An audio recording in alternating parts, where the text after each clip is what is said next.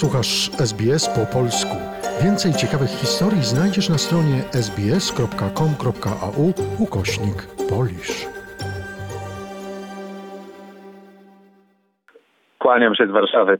Ponad 13 tysięcy nowych przypadków zachorowań na COVID-19 w sobotę. To największa dzienna liczba nowych zakażeń od początku epidemii.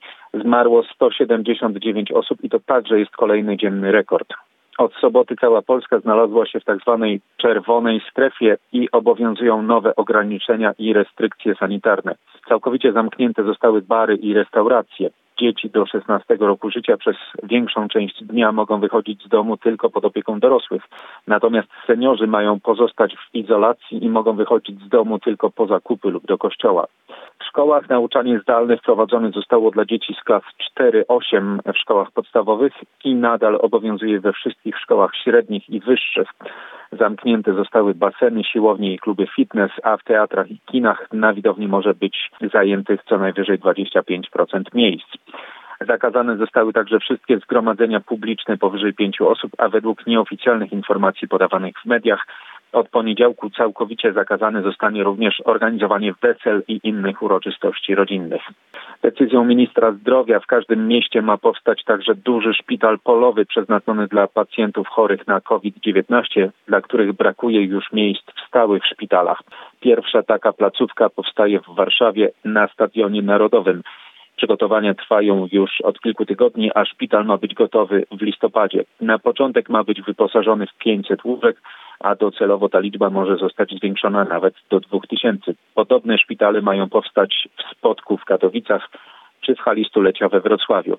Organizowany szpital na Stadionie Narodowym kilka dni temu odwiedził prezydent Andrzej Duda, a wczoraj okazało się, że także on sam jest zakażony koronawirusem. Po południu prezydent opublikował na Twitterze nagranie, w którym mówi, że nie ma żadnych objawów choroby, czuje się dobrze, a najbliższe dni spędzi w samoizolacji i będzie pracował zdalnie.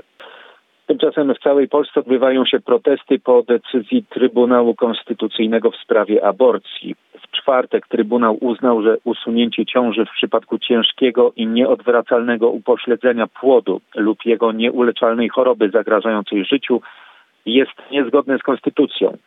Oznacza to, że kobiety mają obowiązek donosić ciążę do końca i urodzić dziecko, nawet jeśli wiadomo, że nie ma ono szans na przeżycie po urodzeniu, albo wtedy, gdy płód umrze w macicy i zagraża życiu i zdrowiu noszącej go kobiety. Dotychczas aborcje w takich przypadkach były dopuszczalne przez prawo, ale po wyroku Trybunału przepis, który je umożliwiał, już nie obowiązuje. Wyrok Trybunału natychmiast przełożył się na decyzję dyrekcji Szpitala Bielańskiego w Warszawie, który jest wiodącym w kraju ośrodkiem ginekologii i położnictwa i zajmował się wszystkimi najcięższymi przypadkami zagrożonej ciąży. Kierownik oddziału ginekologii i położnictwa w tym szpitalu otrzymał polecenie wstrzymania aborcji zaplanowanych na najbliższe dni z powodu ciężkich wad płodu, a kilkanaście kobiet oczekujących tego zabiegu otrzymało nakaz powrotu do domów.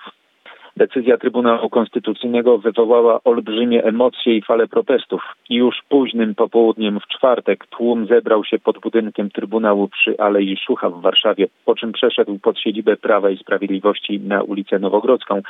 Spontaniczny protest zakończył się na Żoliborzu w pobliżu domu Jarosława Kaczyńskiego. Policja użyła gazu łzawiącego oraz armatek wodnych. Podobne protesty w sobotę odbywały się już we wszystkich większych miastach. Do protestów dołączają prezydenci miast, na przykład prezydent Warszawy Rafał Trzaskowski. Tymczasem prorządowe media oskarżają opozycję o wyprowadzenie tłumu na ulicę pomimo zakazu zgromadzeń i naruszanie reżimu sanitarnego, co ich zdaniem grozi jeszcze większym nasileniem epidemii w Polsce. Program 500 Plus nie przynosi poprawy sytuacji demograficznej w Polsce. Najnowsze statystyki pokazują, że dzieci rodzi się coraz mniej.